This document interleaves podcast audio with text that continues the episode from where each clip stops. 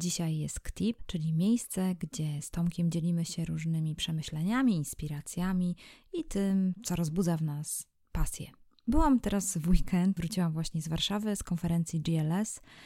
Byłam już czwarty raz. To jest konferencja, która się nazywa Global Leadership Summit. Bardzo ją lubię. Jest to konferencja ogromna, która odbywa się w Stanach, a później Część mówców y, oglądamy z odtworzenia, część jest zaproszonych gości i naprawdę bardzo fajne, inspirujące kwestie tam się pojawiają, więc od razu wiedziałam, że kiedy będę nagrywała na poniedziałek tipa, to na pewno przywiozę coś z konferencji, z czym będę mogła mm, tutaj się podzielić, więc poczekałam sobie do niedzieli, więc jutro wy odsłuchacie to mam nadzieję, coś inspirującego. Chciałam dzisiaj podzielić się pewną myślą na temat kreatywności. Zanim powiem więcej, chciałam Wam opowiedzieć pewną historię, ponieważ ona mnie w jakiś sposób zainspirowała. Otóż, jak wiecie, zawsze o tym wspominam, no bo wiadomo, Rodzina jest bliska sercu, jestem bardzo związana z siostrą. Moja siostra mieszka w Niemczech przez 25 lat i często lubię obserwować tą kulturę, jak ona jest inna, jak ona jest, jak niemiecka kultura, no w pewnych względach bardzo podziwiam, w niektórych jestem zdziwiona, bo jesteśmy zupełnie inni. Ale opowiem Wam taką sytuację, że moja siostra wybrała się na basen i chciała sobie popływać, i miała takie szczęście, że gdy poszła na basen, nie było nikogo zupełnie na basenie, tylko siedział jeden Niemiec. Jeden starszy pan po prostu sobie siedział, nie pływał zupełnie w basenie. No i moja siostra bardzo się ucieszyła, była zadowolona z tego, że będzie mogła sobie popływać. I e, weszła do tego basenu, no i jak myślicie, jak się pływa w basenie? Dlaczego jest tak, że zawsze pływamy po tej y, najszerszej długości? No, pływamy dlatego, bo tam są linie, prawdopodobnie. Niektórzy może powiedzą, bo najlepiej pływać po najdłuższym odcinku, ale nie wiem, czy wiecie, że najdłuższy odcinek basenu to jest przekątna basenu, a nie najdłuższa część basenu. W każdym razie moja siostra zaczęła pływać w tym basenie, ale okazało się, że część tego basenu, tylko połowa tego basenu była oświetlona słońcem, a część basenu była w cieniu. Kiedy ona wynurzała głowę, gdy pływała, to ciągle światło słoneczne ją raziło i nieprzyjemnie jej się pływało.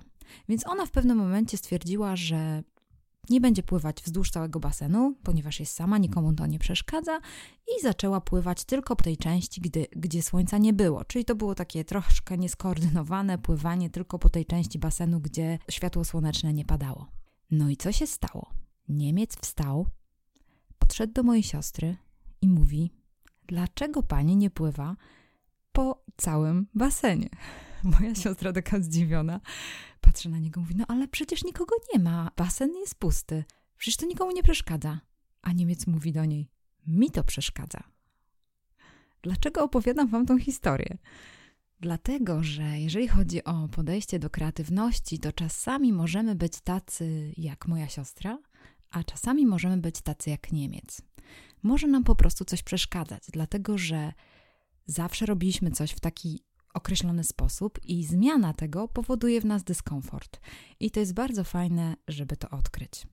Gdy byłam na konferencji GLS, usłyszałam ciekawy wykład Erika Herena na temat e, kreatywności. On mnie zainspirował do tego, żeby się z Wami podzielić pewnymi myślami. E, jest on Szwedem, więc też ma takie podobne do nas europejskie myślenie.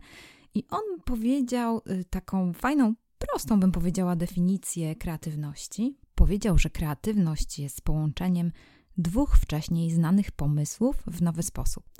Jest kilka fajnych, takich biznesowych pomysłów, które odniosły sukces, kiedy ktoś wziął jedną rzecz znaną, drugą rzecz znaną i po prostu połączył je w kreatywny sposób i one zupełnie miały inne znaczenie. Między innymi ten wykładowca dzielił się takim swoim pomysłem, no który, wiecie, nie, nie jest jakiś mega, super, ekstra odkrywczy, ale dał mu y, jakieś pieniądze, po prostu rozkręcił biznes. On napisał taką książkę The Idea Book. Jest to książka, która jest częściowo notatnikiem i częściowo książką, czyli wziął notatnik, wziął książkę i połączył razem. No nie, nie imponuje to nikomu, bo sobie myślimy, no co to za pomysł, wiele jest takich pomysłów, ale kiedy on powiedział o tym, że wydany budżet w firmach na książki jest 2-3% tam w jakichś wielkich korporacjach, wydanie pieniędzy na materiały biurowe jest o wiele wyższe, więc kiedy ta jego książka została zaliczona jako zeszyt i była kupowana jako zeszyt, no to jego nakłady nie były 2000, tylko około 15-30 tysięcy, więc zupełnie inaczej już wtedy y, możemy docenić ten pomysł. Fredrik Herren zadawał też y, takie bardzo fajne pytanie, które też moglibyście spróbować na przykład zadać w swoich firmach. Pierwsze pytanie brzmi: myślę, że bycie kreatywnym jest ważne w mojej pracy. I raczej ludzie zgłaszają się, że tak. Drugie pytanie jest takie: myślę, że jestem kreatywny. Pytanie jest, ile procent ludzi zgłosi się, podniesie rękę? Czy wy byście podnieśli rękę? Prawdopodobnie podejrzewam, że każdy z was mógłby podnieść rękę. Chociaż ciekawą rzeczą było to, że on powiedział o takich różnicach kulturowych, że na przykład wszystko zależy, z kim się porównujemy. Bo ludzie, którzy pochodzą z Azji, oni zazwyczaj porównują się na przykład z Leonardem da Vinci. Tam y, na to drugie pytanie podnosi rękę tylko 2% osób, dlatego że oni mówią, no, w porównaniu z Leonardem da Vinci nie jestem kreatywny. Więc to jest ta różnica, że przeciętny Amerykanin podnosi rękę 98 razy, dlatego że uważa, że, że jest kreatywny w porównaniu ze swoim przygłupim bratem, tak?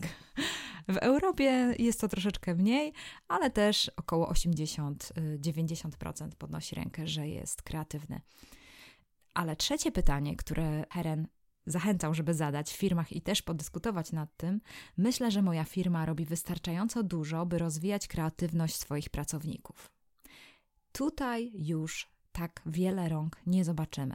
I zastanawiam się, dlaczego tak jest. I wiecie, kiedy sobie pomyślałam, że pracuję zazwyczaj w takim młodym zespole, że, że mam zazwyczaj w redakcji, ponieważ pracuję ze studentami, mam zazwyczaj młodzież. I powiem Wam szczerze, że myślę sobie o tym, kiedy robię taki rachunek sumienia, że ja naprawdę jestem takim hamulcowym, jeżeli chodzi o kreatywność, chociaż ogólnie lubię nowe pomysły, lubię nowe wyzwania, ale kiedy tak naprawdę się zaczęłam zastanawiać nad tym podczas tej sesji, to pomyślałam sobie, że moje doświadczenie, to co wiem, to co już przećwiczyłam, to co spróbowałam, to co widziałam, to właściwie działa na moją niekorzyść, dlatego że studenci wpadają na pomysły, których już próbowaliśmy. Próbowaliśmy kilka razy y, zrobić coś i to się nie udawało. To się nie udawało, tamto się nie udawało.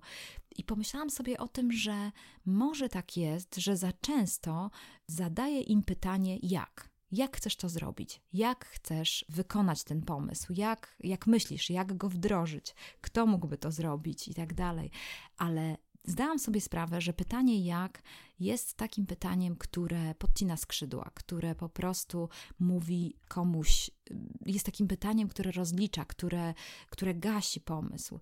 I powiem Wam, że właśnie mm, drugi wykład, który słyszałam, e, też tyczył e, tematu kreatywności i nazywa się Andy Stanley i ja go poznałam w Atlancie. Jest to pastor bardzo dużego kościoła w Atlancie, który jest taki nowoczesny i, i w ogóle mm, bez podziałów, świetne miejsce, gdzie każdy może się odnaleźć i zupełnie czuje się na luzie, fajnie. I Andy powiedział coś takiego, że jak zabija, a powiedział, że wow może dodać skrzydeł. Wow może sprawić, że ktoś ożywi swój pomysł, że, że my uwierzymy w swoje pomysły. I, I wiem, że często my mamy taką naturalną skłonność w Polsce i w prowadzeniu biznesu. No, w wielu firmach już pracowałam z wieloma liderami, też współpracowałam. Wiem, że no, mamy raczej takie realistyczne spojrzenie na różne rzeczy, na różne nowe pomysły. Raczej y, już widzimy te gorsze strony, ale z drugiej strony chciałabym Was zachęcić, tak samo jak byłam zachęcona właśnie przez Endiego, żeby spojrzeć na to z innej strony, bo właściwie te wow nic nas nie kosztuje. To, że student powie mi pomysł, który ja słyszałam już 20 razy, to nie szkodzi. I ja mogę powiedzieć wow, mogę zapytać, y, co myślisz więcej? Opowiedz więcej o tym pomyśle. Jak, jak myślisz, co, jak to mogłoby wyglądać? I wtedy ten pomysł ożywa. Może inni też zaczną jakoś ten pomysł zmieniać. Może dowiem się lepiej, co jest w sercu tego, y, tej młodej osoby. Może dowiem się, jak on inaczej na to spogląda. Nie zadam mu tego pytania jak. Ciekawą rzeczą było to, że Andy przeniósł to zastosowanie pytania wow do rodziny. On powiedział coś takiego, że jak często w naszym życiu jako dzieci słyszeliśmy jak. Jak często nasze dzieci mogą słyszeć słowo, pytanie jak. Czy nie lepiej by było powiedzieć wow, wow? Wiem, że to jest czasami ciężkie, jeżeli y, dziecko ma jakiś właśnie totalnie odleciany pomysł, ale y, może motywacją może być dla Was to, że nasze dzieci wiele razy w życiu usłyszą od innych pytanie jak. A my, jako rodzice, możemy im dać skrzydła, mówiąc wow. Po prostu po to, mówimy wow, po to mówi się to słowo, żeby zachęcić, zachęcić, żeby ktoś powiedział więcej. Więc tak naprawdę kreatywność zależy od liderów. Kreatywność zależy od Was, którzy chcecie coś spróbować. Inni będą kreatywni w Waszych zespołach, jeżeli Wy coś nowego sami spróbujecie, bo inni pomyślą sobie: O, jeżeli mu się udało, to mi też się uda. Dlatego zachęcam Was do takiego próbowania, do tego, żebyście się nie zniechęcali. No wiem, że to jest może takie stwierdzenie yy, ograne, nie zniechęcaj się, ale wiem, jak bardzo kosztuje to, żeby coś nowego zrobić, żeby usłyszeć te pytania jak, żeby się poddać krytyce, usłyszeć jakieś zdania krytyki, ale tak naprawdę, jeśli jestem liderem, jeżeli chcę mieć wpływ, to tak naprawdę robię to po to, żeby inni też spróbowali, żeby inni powiedzieli: O kurczę, no jemu się udało, to może mi też się uda. Powiedzenie wow może wiele zmienić. Zachęcam Was do takiego spróbowania, spróbowania w zespole może przez tydzień, może przez dwa tygodnie, nie zadawania pytań jak, jak to zrobisz, kto to zrobi, czy my mamy na to środki, czy nie mamy, na, żebyście po prostu postarali się jakoś przytrzymać tego wewnętrznego krytyka i powiedzieli po prostu wow i posłuchali więcej, zadali więcej pytań, co tam w tym człowieku. Nie komentowali od razu. Dajcie sobie czas i poczekajcie, co się wydarzy dalej. Posłuchajcie więcej, miejcie swoją refleksję i popatrzcie, co inni y, Wam odpowiedzą. Życzę Wam dobre, dobrego tygodnia, dobrego czasu pracy i mam nadzieję, że do usłyszenia za tydzień. Mamy dla Was bardzo fajną rozmowę za tydzień. Do usłyszenia.